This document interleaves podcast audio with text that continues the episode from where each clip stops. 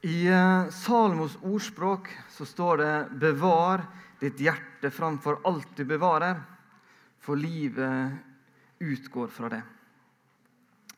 Ehm, når Bibelen snakker om hjertet, så snakker det om noe mer enn det som pumper blod. Det snakker liksom om, om hva er det som er senter i deg. Hva er det på en måte viljen din? Hva, du, hva er det som får deg opp om morgenen? Hva på en måte så gi deg energi? Vi skal snakke litt om det utover denne høsten. De søndagene som det jeg eh, skal tale, så jeg tenkt også prøve å se litt på hva er det som er Jesus sitt hjerte. For de som var her forrige søndag, så leste jeg et bibelvers når vi starta. Ehm, for Jesus sjøl Én plass i Bibelen så sier Jesus sjøl noe om sitt hjerte. Om 14 dager så skal det være hovedteksten. Så dere som ikke var dere kan ha leite litt og se om dere finner dette bibelverset der Jesus sier noe om sitt eget hjerte. For det å undersøke det litt Det kan gjelde oss som personer. det skjønner Hva er det som er på en måte greia til en annen person. Men hva er det som er liksom senteret i denne personen? Hva vil den? Det er spennende å undersøke. Så det gleder jeg meg til å um, jobbe med. Og vi skal eh, ta et moment av dette i dag med. Veldig fint i dag å få lov til å være med og døpe Emilie. Jeg, jeg merka i dag tidlig at det var fryktelig lenge siden sist jeg hadde knytt en slipsknute. Um, det var veldig fint å skulle få gjøre det igjen. Det er jo disse her seremoniene. Når jeg sto her framme og så når Rune sang nå, så så jeg at det var noen som måtte tørke tårer. Det var ganske fint å se. Um, og I dag så har jeg tenkt å se på noen bibelvers som sier noe om det vi har fått være med og sett i dag i dåpen. Ikke selve dåpshandlinga, um, men det er noen konsekvenser av denne handlinga eh, som er veldig fin å se på. Eh, det å ha denne her eh, statusen som et Guds barn, som en Jesu disippel, eh, det innebærer noen ting. Og I dag skal vi se på noe som vi kanskje ikke vektlegger så ofte. Jeg skal begynne litt eh, i Det gamle testamentet. Forrige søndag var det Steinar Dimmen som var, og han talte over det som da var søndagens tekst fra andre Mosebok om de ti bud. Vi skal også i dag eh, få med et vers fra eh, andre Mosebok, litt før i kapittel 14. Eh, Moses hadde fått med seg israelsfolket ut i ørkenen, ut fra Egypt, begynt på vandringa. Så kommer ikke de så veldig langt før at eh, farao angrer på at han sendte dem av gårde sender noen av sine beste soldater etter dem for å ta dem tilbake. Så står det liksom at det, Allerede mens israelsfolket så liksom i horisonten at her kommer de, så blir de irritert, de blir sinte både på Gud og på Moses. På en måte, Hvorfor har dere sendt oss ut her for å dø i ørkenen? Vi kunne hatt det bedre i Egypt. Og så svarer Gud dem så utrolig sterkt. Han sier, 'Vær ikke redde'. Stå fast, så skal dere få se at Herren frelser dere i dag. For slik som dere ser Egypterne i dag, skal dere aldri se dem mer. Herren skal stride for dere, og dere skal være stille. Det er beskjeden når en så truende ting møter deg. Jeg skal handle, dere skal være stille. Så kommer dette under i Rødehavet, eller sjø, Sivsjøunderet. Gud deler havet i to. Israelsfolket får gå rett gjennom og bli redda. Israelsfolket blir frelst gjennom vann. Gud holder sitt løfte. Israelsfolket måtte ikke stride sjøl. De kunne se Gud handle. Og Dette er faktisk ikke første gangen vi møter akkurat dette med frelst gjennom vann. Historien om Noah og familien som overlevde den store flommen i arka. Og Når 1. Peters brev skal beskrive det, så bruker de akkurat dette uttrykket at Noah og familien ble frelst gjennom vann. Så dåpshandlinga som vi har sett i dag, det med at det er vann, det er noe som har lange historiske røtter. Og For israelsfolket så skjer det faktisk mer enn én en gang. Det er dette underet i Rødehavet eller Sivsjøen vi oftest møter. Men når de skal innta det lovede land og skal krysse eh, Jordan, så skjer jo noe veldig likt en gang til. Gud stopper Jordanelva. Eh, Israelsfolket får gå. Vi blir vel fra øst mot vest. Har Jordanelva på sin høyre side står der mens de kan gå gjennom frelst gjennom vann. Gud redder dem, Gud griper inn. De kan få lov til å se hvordan han bare handler. Og Før vi går over i, i Nytestamentet, så skal vi få med oss et lite eh, poeng som er litt viktig å ta med for å forstå noe av disse her nytestamentlige tekstene. Fordi at Moses han var en viktig profet. Eh, han talte til folket. Eh, det Gud ville, talte han til folket. Som jeg sa, Steinar forrige søndag snakka om de ti bud. Eh, Moses var en representant for Gud blant folket. Guds representant. Men Moses han fikk bl.a. beskjed om å utnevne prester. De skulle ha prester, israelsfolket. For Det var ikke bare Gud som skulle ha en representant hos folket, men folket skulle ha noen som kunne være deres representant overfor Gud. Prestene skulle være Guds representanter. Eh, prestene skulle være folket sine representanter overfor Gud. Og Moses representerte Gud overfor folket. Prestene altså representerte folket overfor Gud. Da skal vi se på, på neste bibelvers eh, Per Magnus, som vi har i Hebreabrevet. Der står det sånn Men Jesus har et prestedømme som ikke tar slutt, fordi han er og blir til evig tid. Derfor kan han også fullt og helt frelse dem som kommer til Gud ved Han, fordi han alltid lever for å gå i forbønn for dem. Jeg syns det er et veldig flott bibelvers. Det er snakk om Jesus. Da Jesus forlot denne verden, så var ikke hans oppdrag over. Kanskje vi er lett for å tenke at det var liksom, da hadde Jesus gjort sitt.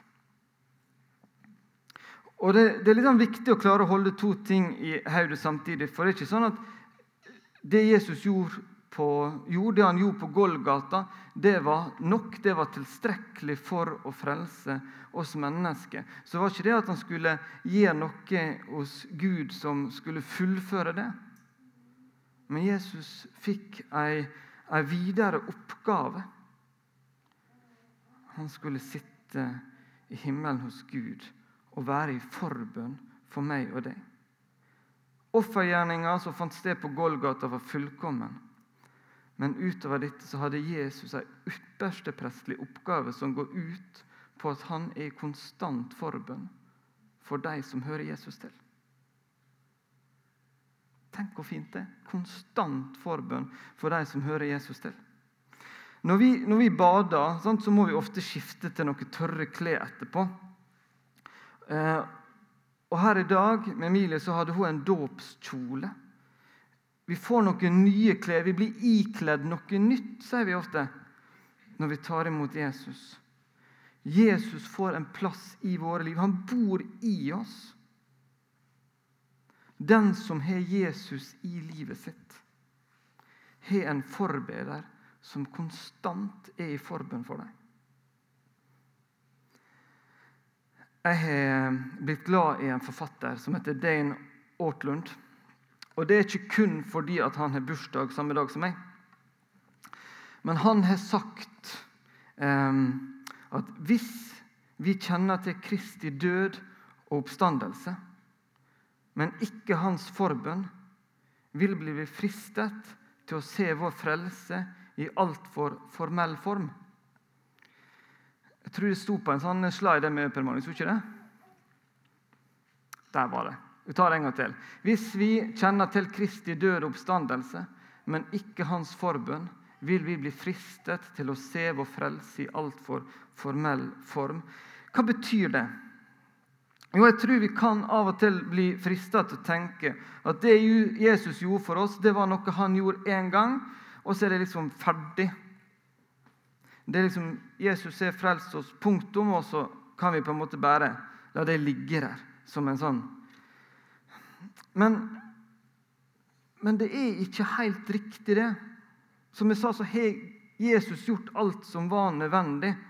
Men Guds frelsesgjerning der på korset, det Jesus gjorde der, det er på en måte tilbakelagt stadig. Alt der er gjort, alt er fiksa. Men frelse er noe mer enn å bare ta imot Jesus. Det handler om et liv sammen med Jesus. Et liv der vi skal få lov til å oppleve å bli mer lik Jesus. Kanskje noen av dere begynner å bli litt lei det. Jeg bruker nesten en, tror jeg et par ganger i halvåret det siste så har jeg dratt fram et, et, et, um, sitat av Arne Garborg. Jeg tror det vi var på en slide, var ikke det? Ikke en filosofi lærde meisteren oss, men en livskunst. Han kom ikke med nytt til de forvitende, men med lekedom til de sjuke. Han stifta ikke ei sekt, men viste oss en veg. Kristendommen er ikke en lære, det er et liv. Og Det er fantastisk å vite at Jesus sitter der og ber konstant for deg og meg. Jesus er ikke bare dødd og vunnet over døden for meg, men han er faktisk i konstant forbønn for meg. Med en enorm forståelse for mitt liv, for mine situasjoner, for det jeg møter om et enormt ønske om at jeg skal få ta noen skritt i riktig retning.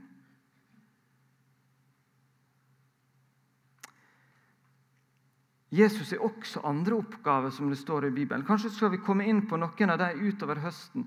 Men det som er litt interessant å se, at det, da står det at det er noe som han gjør hvis situasjonen påkaller det. Men det her med forbønn så er ikke det noe som på en måte bare når situasjonen påkaller det. Det er noe som står at alltid, hele tida. Når jeg ikke klarer å være den faren jeg burde være, når jeg setter andre foran meg, når jeg setter meg sjøl foran andre, når jeg tenker tanker som jeg ikke burde, når jeg er situasjoner som er potensielt farlige, og ellers alltid da sitter, Gud, da sitter Jesus med Guds høyre hånd, og så ber han for meg. Jeg trenger ikke å være usikker på om at han hører, at han ser, at om jeg er usikker på hvordan jeg har det.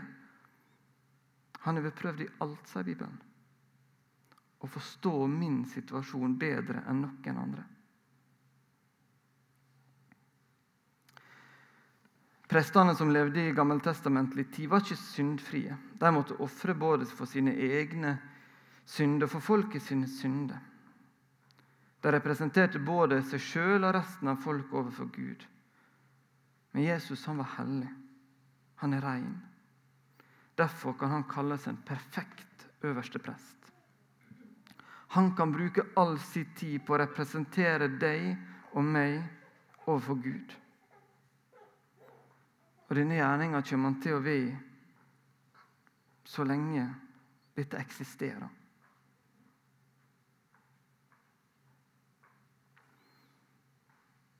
Og Det som Jesus gjør altså nå, det viser også noe av behovet for det han gjorde på korset.